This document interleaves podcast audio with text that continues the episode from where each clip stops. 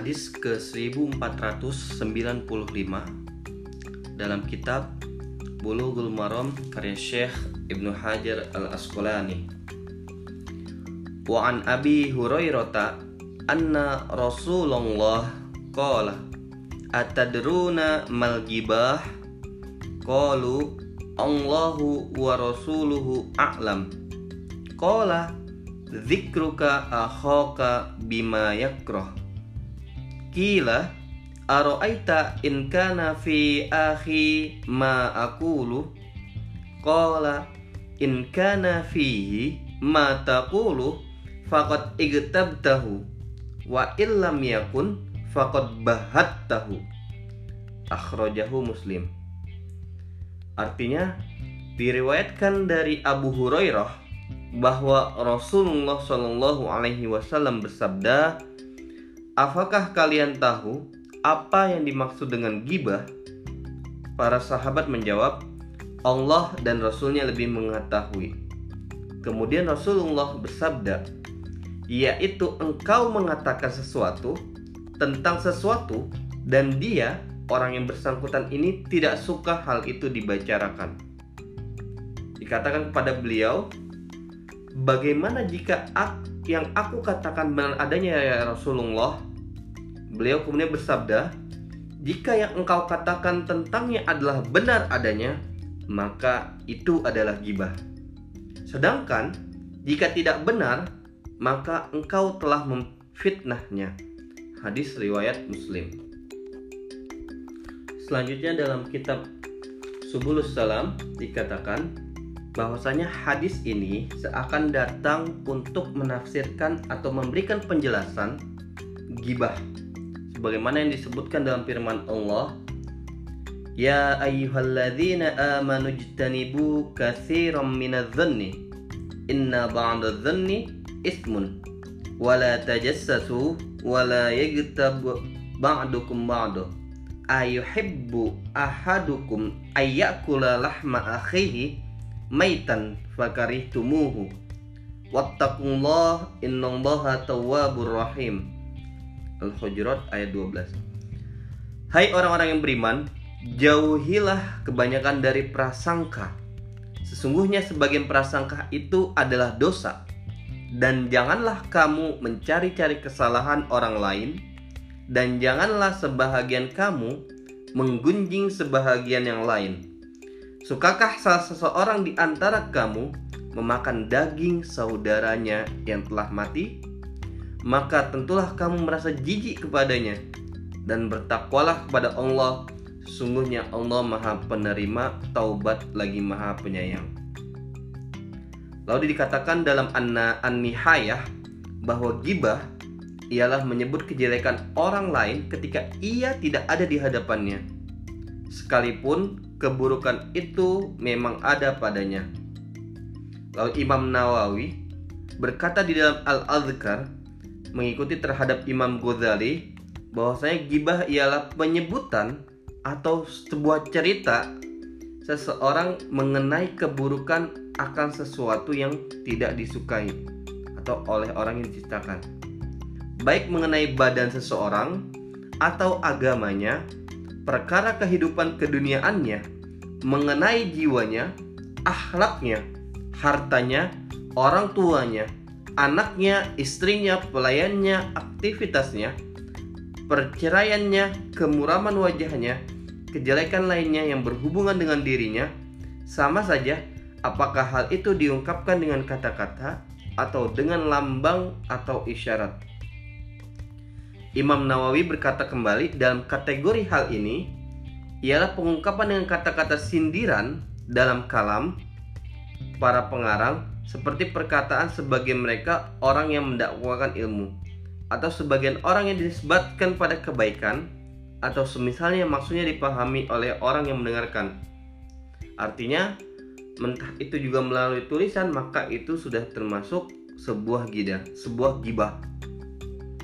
Lalu mengenai sabda beliau dalam hadis, zikruka akhoka bima yakroh atau penyebutanmu terhadap saudaramu mengenai apa yang tidak disukai oleh saudaramu. mencakup penyebutan atau cerita yang dilakukan ketika orang itu tidak ada atau ada di hadapannya.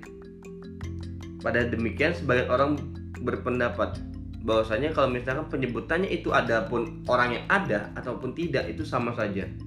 Lalu ada sebagian pandangan yang mengatakan sesuai dengan sandarkan pada hadis Nabi, makarihta antua jihabihi akhaka fahuwa gibah. Apa yang tidak kamu suka penyebutannya di hadapan saudaramu, maka itu adalah gibah. Jadi gibah ini menurut sebagian pandangan yang lain adalah ketika si orang tersebut itu gaib atau tidak ada atau nggak ada di hadapannya. Akan tetapi juga diharamkan untuk menyebutkannya di depannya kecuali dalam rangka untuk kritik yang membangun. Karena itu akan bisa menyakitkan hatinya saudara kita.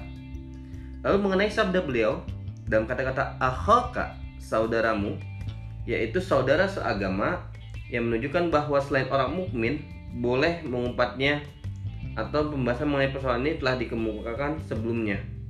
Lalu mengenai keharaman gibah, para ulama telah berpendapat atau telah mutafak atau telah e, menyetujuinya bahwa saya gibah merupakan sebuah hal yang haram.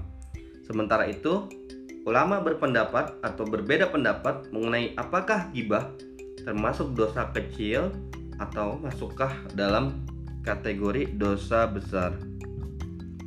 Di sini ada beberapa pendapat. Yang pertama dari Al-Qurtubi menukil dari ijma bahwa ia termasuk dosa besar yang diambil dari hadis Inna dima'akum wa aradukum wa amwalakum alaikum haram.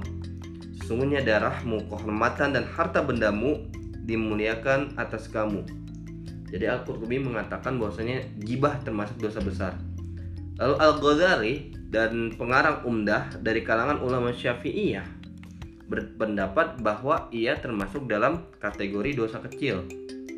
Selanjutnya Al-A'udza'i berkata, Aku tidak mengetahui orang yang secara jelas menyatakan ia termasuk dosa ke dosa kecil selain keduanya, selain Al-Ghazali dan pengarang umdah. Al-Mahdi berpendapat bahwa ia berkemungkinan berdasarkan atas apa yang tidak dipastikan dengan kesombongannya maka ia interpretatif sebagaimana dikatakan oleh Mu'tadilah atau di sini dikatakan sesuai dengan apa yang digibahkannya. Lalu Az-Zarkasi berkata, yang mengherankan dari orang yang mengkualifikasikan mangkat bangkai sebagai dosa besar, sedangkan ia tidak memasukkan menggunjing dalam kategori ini, Allah menurunkan ayat mengenainya dan menempatkan persoalan menggunjing pada posisi makan daging manusia yaitu bangkai manusia. Atau kalau dari sini Azhar Kasih mengatakan ini adalah sebuah dosa besar karena memakan daging manusia adalah sebuah dosa besar dan Allah menurunkan ayat yang mengatakan hal tersebut sama antara menggunjing dengan memakan bangkai saudara kita. Lalu ketuailah ada enam perkara yang di uh, apa namanya dibedakan dikecualikan dari gibah yang pertama penganiayaan. Dalam hal ini orang yang dianiaya, dizolimi, boleh berkata, si fulan menganiayaku dan dia mengambil hartaku atau dia zolim. Tetapi jika penuturannya itu sebagai sebuah bentuk pengaduan terhadap orang yang memiliki kuasa dan keundangan untuk menghentikan dan mengurangi intensitas kezalimannya, dalilnya adalah perkataan Hindun yang mengadu kepada Nabi Shallallahu Alaihi Wasallam perihal Abu Sufyan suaminya bahwa ia adalah laki-laki pelit alias kikir. Yang pertama berarti adalah pengaduan. Pengaduan karena telah dizolimi. Yang kedua, meminta pertolongan untuk merubah kemungkaran dengan menceritakannya kepada orang yang diduga mampu untuk menghilangkan kemungkaran itu. Seraya berkata, si pula melakukan begini mengenai orang yang tidak biasa terang-terangan menampakkan kemaksiatan. Atau yang kedua ini artinya ketika gibah itu atau mengatakan hal yang buruk terhentang teman tentang saudara kita adalah karena semata-mata untuk merubah kemungkaran yang ada padanya. Yang ketiga, dalam kerangka untuk meminta fatwa, semisal sambil berkata kepada mufti, si Puran menganiayaku begini, bagaimana jalan keluarnya? Aku bisa menyelamatkan diri darinya. Dalilnya adalah bahwa ia tidak mengetahui jalan keluar menyelamatkan diri dari yang diharamkan padanya kecuali dengan menyebutkan apa yang terjadi. Yang ketiga berarti dalam rangka meminta fatwa. Yang keempat, untuk mengingatkan kaum muslimin dari kesulitan, semisal cacat dan ketidakadilan para perawi. Saksi orang memimpin pembelajaran, pemberi fatwa yang tidak memiliki keadilan. Dalilnya adalah sabda Nabi, bisa akhul ashirah. Seburuk-buruk teman adalah pergaulan. Amma Muawiyah fasu'aluk adapun Muawiyah adalah laki-laki yang lemah. Lalu yang kelima menceritakan orang yang terang-terangan dengan kefasikan dan perbuatan bid'ahnya seperti pemungut cukai, pemegang kekuasaan yang batil, maka boleh menyebutkan apa yang mereka lakukan secara terang-terangan itu, bukan yang lainnya, Dalilnya sebagaimana hadis yang telah disebutkan sebelumnya, Uzkuru al-fajir. Sebutlah orang-orang yang ngacur. Jadi yang kelima ini memang untuk menyebutkan hal-hal yang kedoliman yang sudah jelas terang benderang. Yang keenam, mendefinisikan memperkenalkan seseorang mengenai apa berupa cacat yang ada padanya, semisal buta mata, sebelah kaki pincang. Atau di sini ke pengecualian yang keenam untuk kita mengatakan gibah adalah ketika memang orang tersebut untuk kita definisikan cacatnya dia tersebut. Allahu a'lam bishawab.